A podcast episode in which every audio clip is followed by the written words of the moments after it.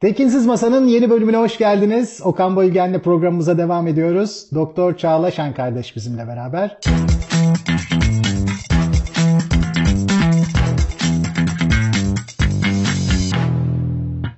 Çağla hoş geldin. Hoş buldum. Teşekkür ederim ikinize de. Biz de sana teşekkür ederiz. Için. Bugün senin özel bir pozisyonunla ilgili bir şeyler konuşmak istiyoruz. Hem teknoloji hem sosyoloji konuşacağız. Senin eğitimin de öyle zaten.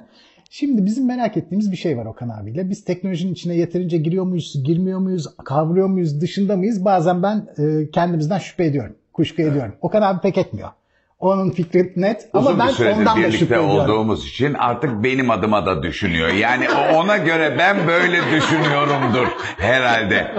Ama biz böyle düşünüyoruz diyor. Ayrı beyinlerimiz yok. Ya. Ama senin ne düşündüğünü merak ediyoruz. Yani. Nöronlarımız ortak. Ortak köprüler kuruluyor aramızda da. Sadece onlar arasında değil, aramızda da köprüler kuruluyor. Şimdi köprüleri seninle sağlamlaştırmak istiyoruz. Üçüncü köprüyü seninle yapalım. Şimdi sorumuz şu, merak ettiğimiz şu yani. Teknoloji, teknoloji sürekli teknolojiden bahsediyoruz. İşte temel bilimler, mühendisler tamam. Ama sanki teknolojinin hayatın içine karışması daha çok sosyal bilimciler tarafından oluyor gibi. Sen bu ikili arasında nasıl bir denge olduğunu düşünüyorsun? Çünkü şunu da düşünüyorum. Paradigma değişmediğinde, teknolojik bazı şeyler değişse bile paradigma ona izin vermediği için o dolaşıma giremiyor. Yani bazen çok avantgard kalıyor, bazen çok geride kalabiliyor. Şimdi avantgard ve geride kalmamak için sosyolojik bir temele tabana oturması gerekiyor. Bunu da sanırım reklamcılar ve sosyologlar e, ayarlamaya çalışıyorlar. En azından son kullanıcıyla buluşturmaya çalışıyorlar. Sen bu ikilinin dengesini nasıl kuruyorsun? Bana, bana çok uygun bir soru oldu. Teşekkür ederim. Bildiğim yerden geldi. Ben bir kere bu teknolojinin sosyolojisi meselesini çalışıyorum dediğimde ilk başta böyle bir ne çalışıyorsun yani derdi insanlar bana. Yanlışlıkla çok doğru bir eğitim almışım. İşte çok uzun bir mühendislik eğitimi üzerine çok daha uzun bir sosyal bilimler eğitimi ve teknolojinin sosyolojisini çalışmaya başladıktan sonra ilk bulduğum şey biraz önce Okan Bey'in söylediği e, veya işte sizin ortak kararınız olan teknolojinin ne kadar içerisindesiniz, ne kadar bütünleştiniz. Çünkü teknolojinin sosyolojisi dediğimiz şey neye bakıyor? İnsanla teknolojinin iki ayrı olgu gibi düşünürken birbirine dokunduğu, kesiştiği, birleştiği noktaya en azından ben oraya bakıyorum. Şimdi teknoloji ve insanlar teknolojiyi ne kadar kullanıyor çok da sorunsal bir şey değil uzuvunuz haline geldiyse teknolojinin içindesiniz. Bu da bir teori. Böyle çok e, hani şey e, laf olsun diye bir cümle e, gibi sound geliyor kulağa ama e, teknoloji ürünleri insanların uzuvlarının uzantılarıdır diye bir teori var. Marshall Aklımıza hemen e, mobil e, telefonlar geliyor. Süper. Peki çamaşır makinesi de geliyor mu? Gelmeli neden? Evet. Normalde insanlar çamaşırı nasıl yıkıyordu çamaşır makinesinden önce? Elle. İşte ellerinizin, kollarınızın uzantısı çamaşır makinesi orada. Telefonda en iyi örnek bence. Sesinizin yetişmediği, kavuşamadığı yere telefon sizin yerinize sesinizin, ağzınızın, dilinizin uzantısı olarak mesajınızı iletiyor. Arabalar ayaklarımızın uzantısı. Yani teknoloji sizin uzuvlarınızın bir uzantısı olarak görev görüyorsa içindesiniz. Yeterince kullanıyorsunuz.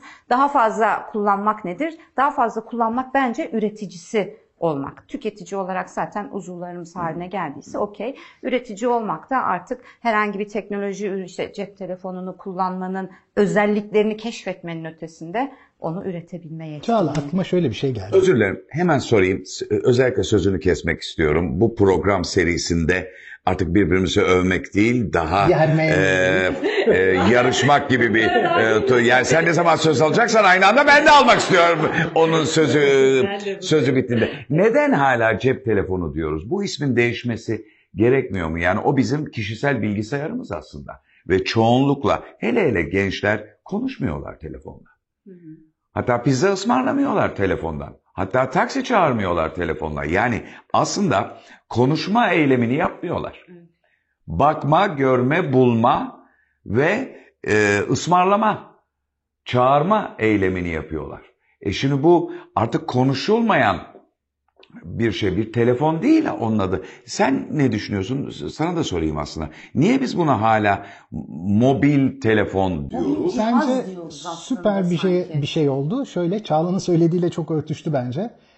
Bizim teknolojiyi sosyolojik olarak nasıl değiştirdiğimize bir işaret bu. Ama Teknoloji bize sosyolojik olarak konum ona gelmiş. gelmedik çünkü yani o çünkü bir cep bilgisayarı o değil mi? Daha fenasını söyleyeyim. Ben Snapchat'in WhatsApp gibi mesajlaşma uygulamasını öğrencilerimden öğrendiğimde yaşadığım şoku anlatayım. Snapchat denen şey de ben kızımla beraber kameranın karşısına geçip kendimize tavşan kulağı yapıyoruz. Öyle bir şey zannediyordum. Komik fotoğraflar.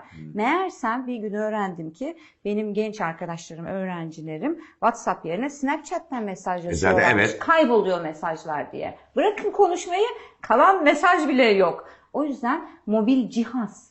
Cihaz. Onu nasıl değerlendiriyorsun? Yani bunun sosyolojisi ne? Yani bu e, Anda kalmak bence eğer geçmişteki olan her şey dosyalanıyorsa, belgeleniyorsa, geçmişe dönüp bakılabiliyorsa anda kalmayı sakatlıyor. Geçmiş bizim her zaman erişebileceğimiz bir şey olmaya ne zaman başladı? Fotoğraf bulunduktan sonra. şöyle öğrendik aslında bir şeyin e, kendiliğinden yok olma meselesini ilk nerede? Mission Impossible. Mission Im- Impossible'da gördüm. Hatta orada da baya bir böyle bir Havalı yok oluyor. e, havalı yok oluyor. Falan filan. Yani ama orada bir derdi vardı onun. Yani o mesajın hiçbir şekilde e, kayda geçmemesi için. Hatta diyordu ki işte şu ya da bu şekilde yakayı ele verirsen biz seni tanımıyor olacağız filan yani. Ama sen yine memleketin için O bu zaman görevi üstleneceksin. felsefi bir açıklama yapmaya çalışacağım. Buyursunlar. Şöyle diyeceğim. Geçmiş insanı ne kadar belirleyebilir? Çoğunlukla ço- tamamını belirler. Bu doğru değil. Ne nedir doğru olan? Bizi gelecekteki beklentimiz biçimlendirir. Geçmişteki mesajlar insanı bağlar. Bir dakika geçmişimiz Çok biçim, biçimlendirmiyor. Ee, gelecekteki beklentimiz mi bizi biçimlendiriyor? Evet. Yapma ya. Geçmişimiz biçimlendirmiyor mu? Çok kısa özetleyeyim. Yani Çağla'nın vaktinden çalmamak adına çok çok Ben çok çok kısa söylüyorum. Boş ver Çağlayacağım. Sen de ama sen daha ilginç gelmeye başladın bana. Şöyle diyeyim. Şimdi bizler ne, ne düşünürüz kendimiz hakkında? Geçmişimizde ne yaptıysak oyuzdur diye düşünürüz. Fakat geçmişimizde ne yaptıysak oysak bizim herhangi bir hayatımızın üzerinde özgürlüğümüz kalmamış demektir. Çünkü geçmişte olup biten ve değiştiremeyeceğimiz her şey bize özdeşse ve eşitse ben de oysam bana yapacak bir şey yoktur. Kaderim geçmiş tarafından belirlenmiştir. Freudyen olsa mesela 0-6 yaşta ne öğrendiysem ben aslında oyum. Hatta geçmişimizden kurtulmak isteriz. Büyük bir çoğunluk. Hatta nasıl yaparız bunu? Bazen bilinçli, bazen bilinçsiz. Bilinçsiz yaptığımızda ne olur? Bilinçteki bir sürü şeyi bastırırız. Öyle bir bastırırız ki ondan sanki artık haberimiz yoktur. Fakat her adımımızda o bizim yanımızdadır, ensemizdedir.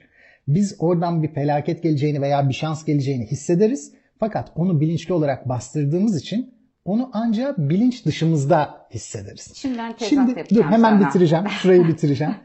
Gelecekse bizim olmak isteyeceğimiz ideal benliğe yönelebileceğimiz özgürlük alanı. Ve bu yüzden mesela birisiyle flörtleşiyorum. Flörtleştiğimde bu kişiyle eskiden flörtleşmemişim. Geçmiş mesajlarım beni bu kişiyle flörtleşmemeye itiyor. Bu kişiyi ben geleceğimde flörtüm olarak görmek istiyorsam eskideki konuşmaların yok olmasını istiyorum. Bu birincisi.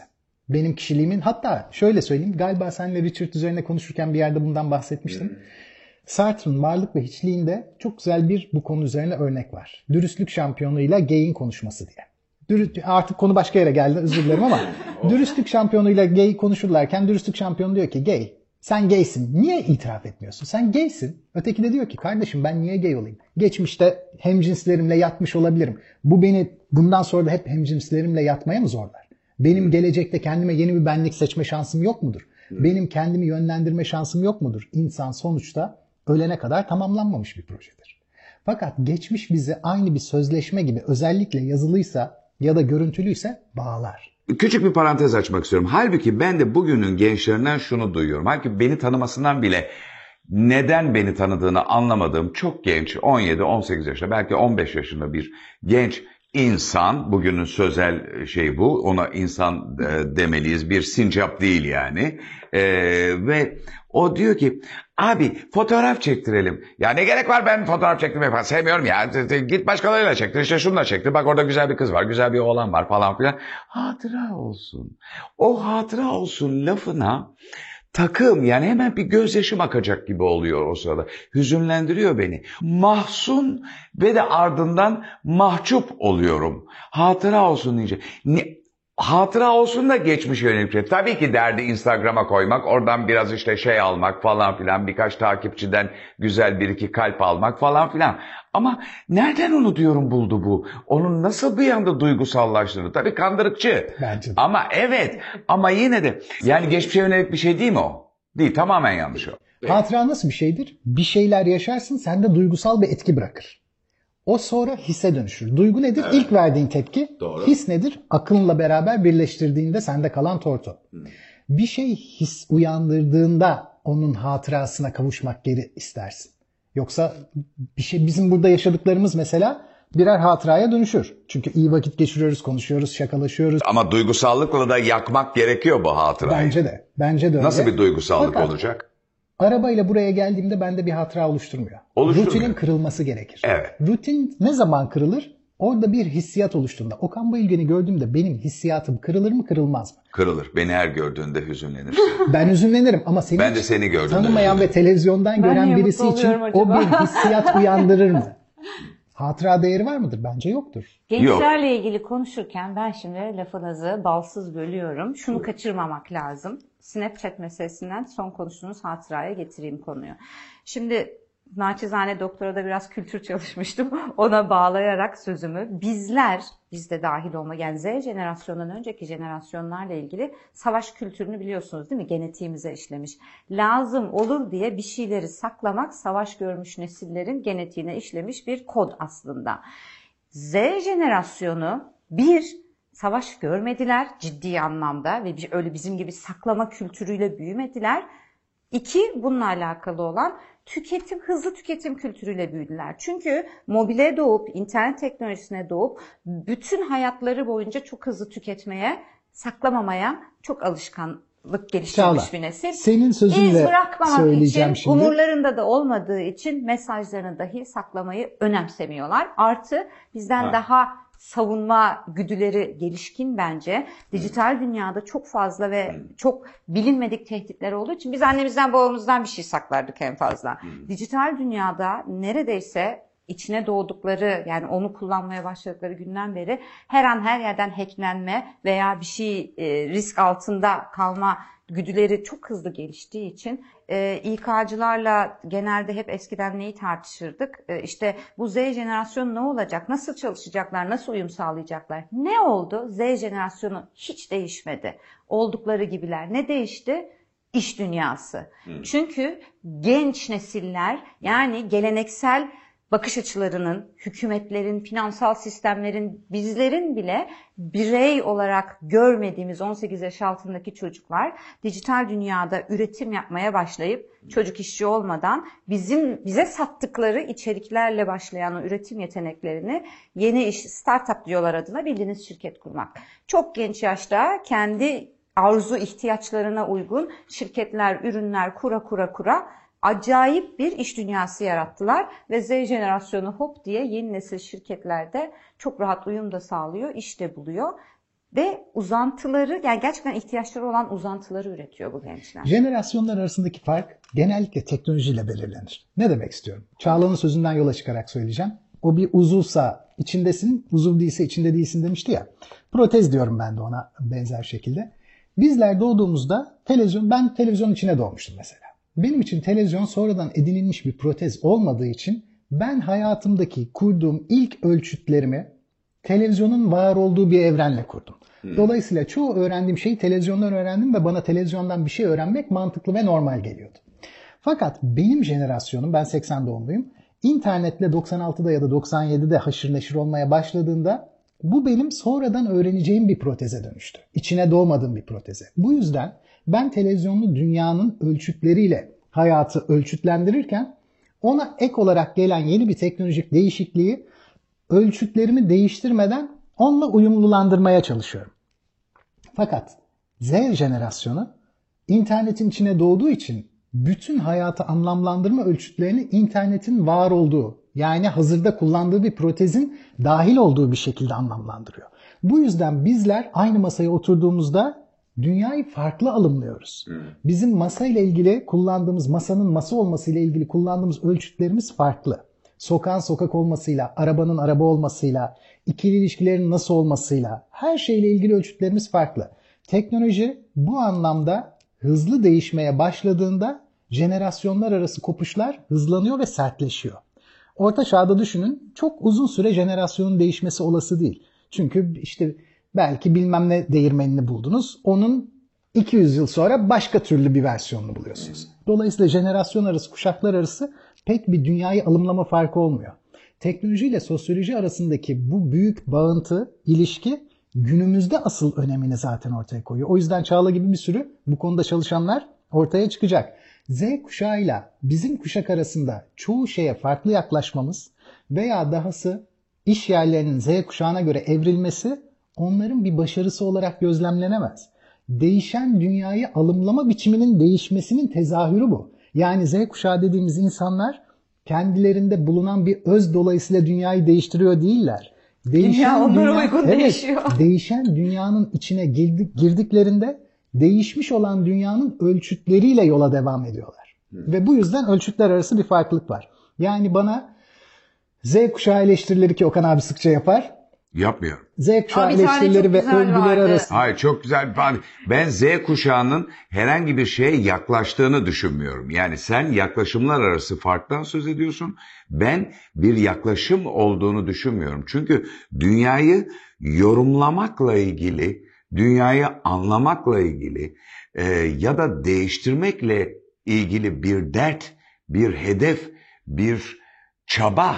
Yani varoluşun e, amacını bulmak ya da varoluşu sorgulamak, niçin bu dünyadayım? Bununla ilgili bir sorgulama bir anda sorgulayan kişiyi bir mağaraya ya da e, e, ilk çağda üstü örtülmüş bir e, nasıl olduysa Platon ya da Aristoteles ya da başka birisinin içinde böyle e, uzun entarilere sarınarak dolaştığı bir resmin içine e, ya da e, 17. ya da 19. yüzyılda herhangi bir mabede gönderebilir. Seni aslında e, şeye de gönderebilir yani bir Budist rahibin tapınağına da götürü gönderebilir aslında e, dünyayı ya da varoluşu sorgulamak. Böyle bir sorgulama yok.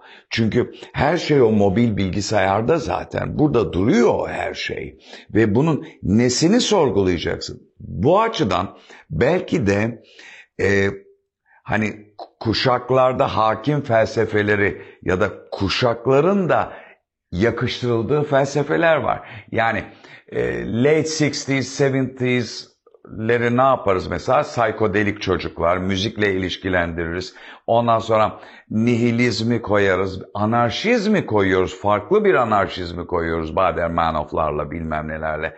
Ondan önce Bakunin'le başka bir anarşizm koyuyoruz. Dostoyevski'den başlayarak varoluşçu olduğunu bilmeyen bir adamla birlikte varoluşçuluğu koyuyoruz ki falan filan. anarşizmden geliyor. o. Evet. Bir, bir nihilizm koyuyoruz mesela. Punk çocuklarına bir şey koyuyoruz. Yani müzik çünkü en hızlı yayınla, yayılan ve haberleşilen müzik ve sinemayla beraber bunları görüyoruz filan. Yani daha kitlesel sanatlarla görüyoruz falan. Peki bugünün gençliğine ben de bunun derdi içindeyim. Benim maksadım Z kuşağı eleştirmek değil ki. Bana ne? Ne halt ederlerse etsinler. Ben dünyayı anlamaya çalışıyorum. Kendi Hala içinde yaşadığım zamanı anlamaya çalışıyorum. Dolayısıyla belki de e, belki nihilizm değil ya da e, işte e, varoluşçuluk değil bir şey değil. Belki yeni bir izmo bulacağız bulacaklar ki inşallah kendileri bulurlar. Onu da anne babalara bırakmazlar pizza söylemek gibi diye düşünüyorum. Hani belki bir şey bulunacak yani dünyayı olduğu gibi kabul eden, değiştirmeye çalışmayan, arada sırada e, Greta Thunberg'in e, G7'leri filan e, haşlaması dışında da bir şeyler yapabilecek bir grup ama dünyayı olduğu gibi kabul ediyor.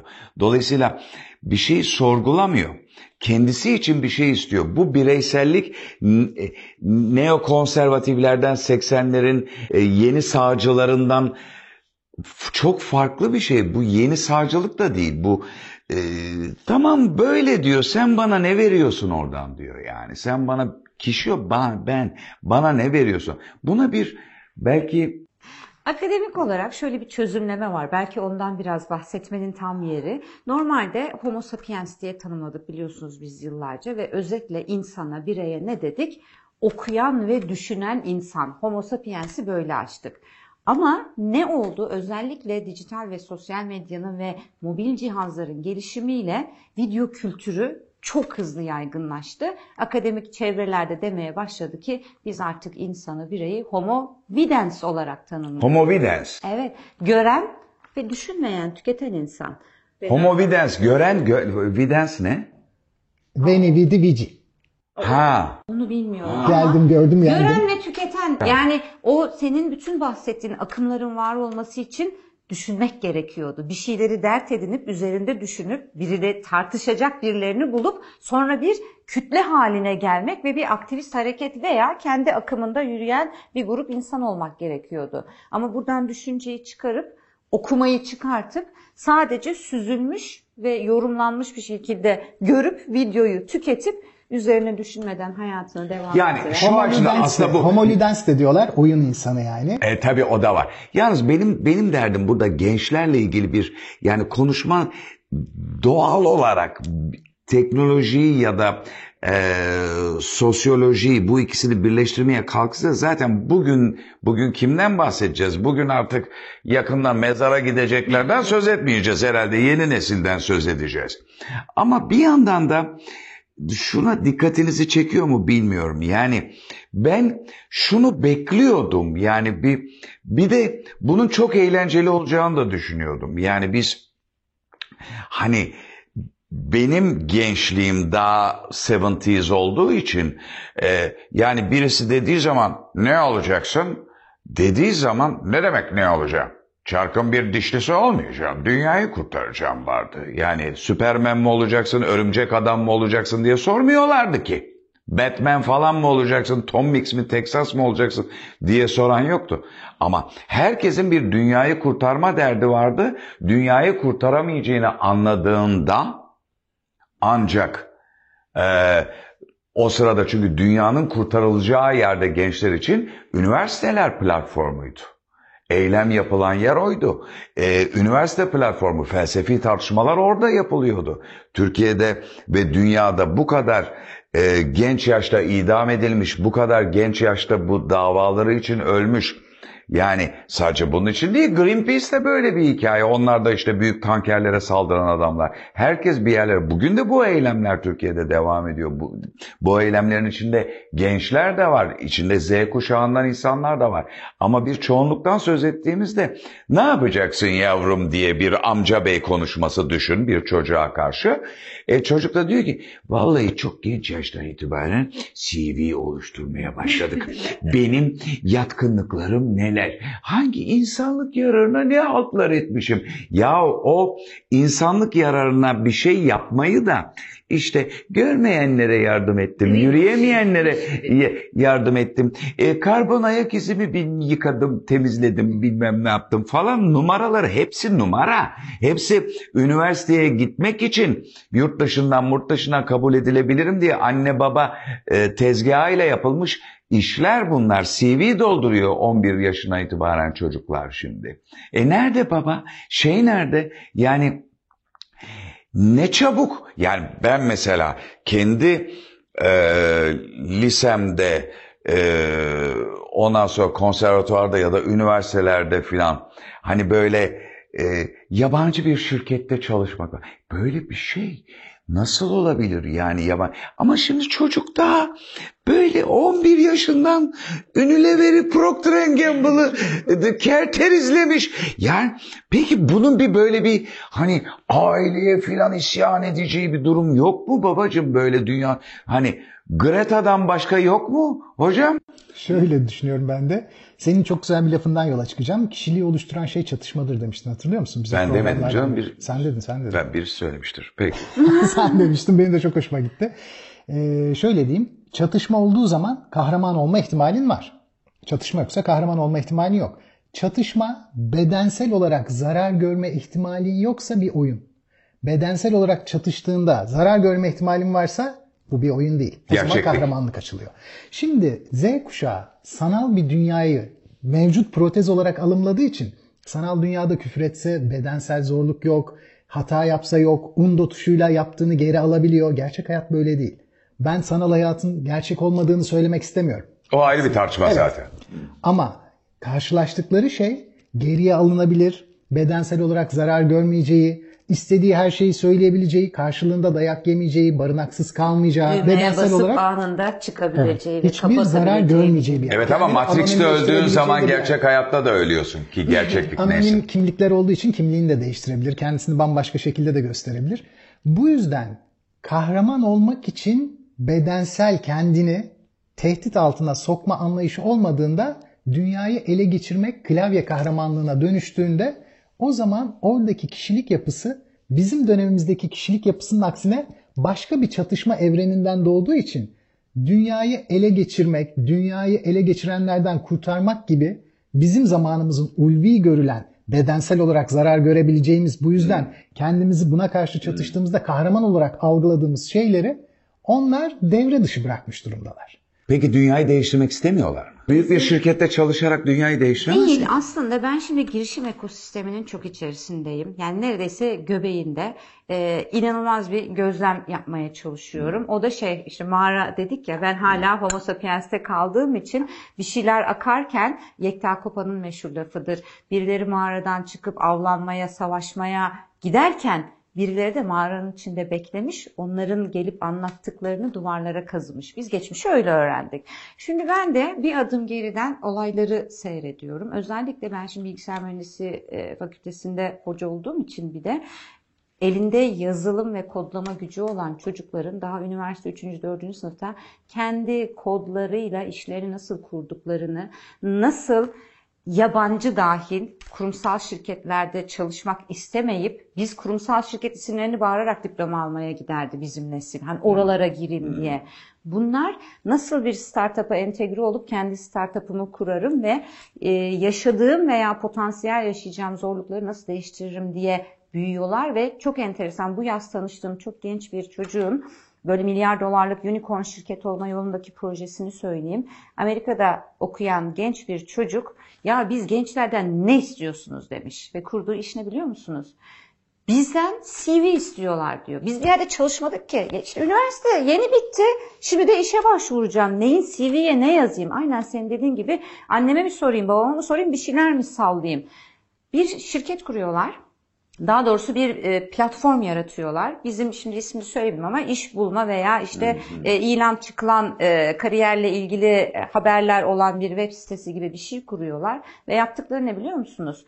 Bizim nesil sözlü ve video üzerinden hızlı, kısa iletişim kurmayı seviyor diyorlar. İş kendisine çalışan arayan şirket 3 dakika çıksın yetkilisi selfie'si telefonundan selfie çeksin. Biz böyle bir şirketiz, böyle bir çalışma arkadaşı arıyoruz desin. Ünvan ünvan umurumda değil. Ben de açayım telefonumu bir video kaydedeyim. Ben bu özelliklerimden dolayı sizin bu e, pozisyonunuza uygun adayım diyeyim diyor. Sadece videoyla CV'siz birbirleriyle ilk teması kurdukları anlaşırlarsa yola devam ettikleri bir kariyer sitesi gibi bir şey kuruyorlar ve e, unicorn oluyor.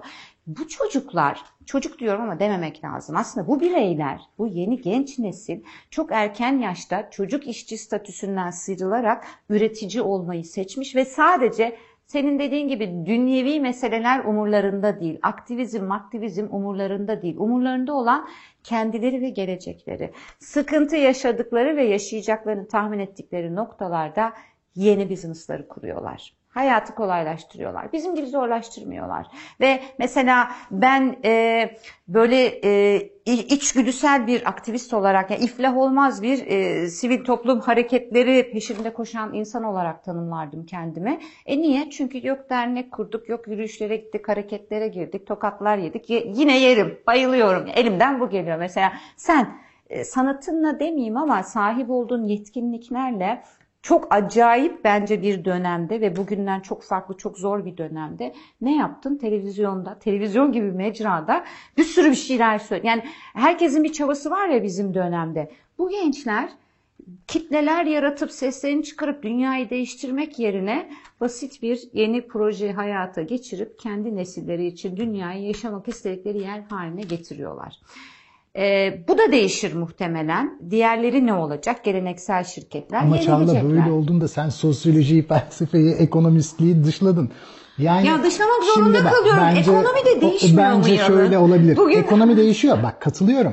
Ama verdiğin örnek dünyayı yeni bir yorumlama biçimi değil. Dünyaya entegre olmak için Evet. küçük bir O tuğla koyma biçimi.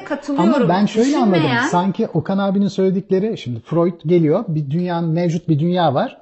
Tek tük o dünyaya aykırı sesler oluşmuş. Freud onları derliyor, topluyor. Sonra üzerine bir böyle ne diyeyim büyük dalgalar ekleyerek Hayır ben bir şey çalışmayacağım diyen değiştiriyor. bir genç duymak istiyorum. Yani Bir dakika, ben senin dayı. sistemine girmeyeceğim diyen bitir bu arada tabii ki. Ee, işte Marx geliyor mesela benzer bir şekilde sistemi kıracak. Geleceğe atılan yeni bir ideolojik çerçeve çiziyor.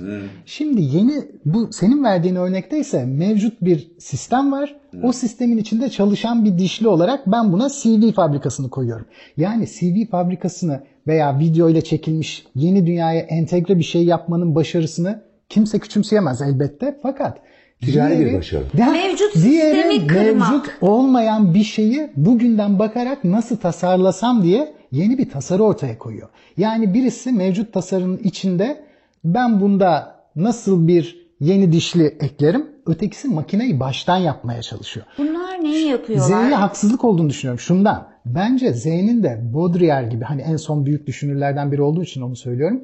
Baudrillard gibi düşünürleri çıkacak. Zizek gibi düşünürleri çıkacak. Bu karşılaştırma sanki onların felsefeden, sosyolojiden tamamen yalıtılmış olduklarını, önlerine ne gelirse ona ilişkin sadece bir startup kurduğunu ve bu startup'ı söylediğimizde de bak hepimizde olan hissiyat şudur. Bazı sanat eserleri karşısında da bu hissiyat olur. Bu muymuş bu unicorn? Böyle hissederiz. Bu söylediğim fikir de böyle gibi hissettiriyor ya. Instagram'da. Instagram ki dünyayı acayip değiştirdi. Fakat neden değiştirdi? Şizofrenler yarattı. Instagram mevcut, Instagram'da ben ben değilim. mevcut sisteme entegre oldu. Yani dünyayı tasarlayıp kurgulayıp bir yere doğru çekmeye çalışmadı. Mevcut olanın üzerine bir yazılım olarak eklendi. Çok büyük değişiklik yaptı mı? Yaptı.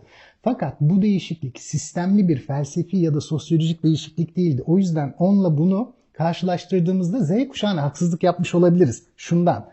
Bu kişi Z kuşağının hiç mi sistemli düşünen, geleceğe atılan, sistemi değiştirmek istediğinde parçalara ayırıp yeni parçaları bambaşka şekilde birleştiren algıları yok mu? Kesinlikle var. Ama ona bu örneği verdiğimizde sanki Z'ye haksızlık Bu ediyoruz. aslında sadece o, o hani Okan'ın bu yabancı şirkette çalışma CV yani öyle çocuklar yetişiyorsuna alternatif olarak verdim ama şunu söyleyeyim. Bugün Chat GPT'nin yani yapay zekanın kitap yazabildiği bir dönemde yaşıyoruz. Sorma ben de bir sohbet ettim Şimdi geçen gün yapay zeka. ben 6 ayda ortalama işte 7-8 bin kelimelik bilimsel bir makale zar zor yazarken ki araştırma safhasını saymıyorum kaleme almak. Chat GPT'ye işte belki e, ne bileyim ben 5-6 tane soru sorup metinleri alıp derleyip bir makale yazabiliyorsam Yazamayız. Niye biliyor musun? dönüp yani şöyle Ben yeni sohbet ettim. Dünya- Yalan söylüyor. Dedim ki Okan Bayülgen, Okan Bayülgen kimdir dedim. Uydurdu işte bir rockstardır. Türkiye'de e, Neden? rockstar. Aslında uydurmuyor. Yalın Alpay kim Va- dedim. İşte bir ünlü bir tiyatrocu Türkiye'de. Dedim ki niye yalan söylüyorsun? Ben yalan söylemek için yaratılmadım ama bazen bilmediğim şeyler konusunda çünkü böyle şeyler gidip söylüyorum. e, hazır bilgiyi alıyor ve mesela ben de hep e, şey Tez yazdırıyorlar herhalde. Tabii. Ama Yazdırılamaz. Daha, dedim ya uyduruyor yalan söylüyor. benzerlik raporunda çatı çünkü sadece var olan bilgiyi önümüze getiriyor ya düşünmüyor. Yapay ze yapay zekanın teknoloji Ama olarak var olan bilgiyi odur. uydurması da ilginç değil Var mi? olan bilginin doğru olup olmadığını kontrol et- etme yetkinliği yok. Benim kendi öğrencilerimin bitirme projesi Demek ki fotoğraflarımıza bakıyor. Ben rockstar gibi görünüyorum. Sen de bir yerde tiyatro birisi, sanatçısı gibi ekşi görünüyorsun. sözlükte birisi yazmıştır benim rockstarım diye. Sarkazm yapmıştır. Yapay zekanın henüz belki de sarkazmı anlayacak zekası. o Tabii ki sarkazmı gelişti. anlamayacak. Sarkazmı anlamak, anlamak için dünya kadar veri toplaması gerekiyor çünkü. Bir de yan anlamı biliyor olması lazım. Ya bu çok tatlı bir kız değil mi? Her zaman. Peki programı bitirelim başka şeylere geçelim o zaman. Daha güzel sohbet ederiz. Okan abi gördüğünüz gibi yine yoluma taş koydu. Ne güzel sohbet ediyorduk. Bu sohbeti de sonlandırdı. Çok teşekkür ederiz. Ben teşekkür ederim. Çok, Çok keyifli bir sohbet. Şahane. Bir sonraki bölümümüzde yine harika bir konukla devam edeceğiz.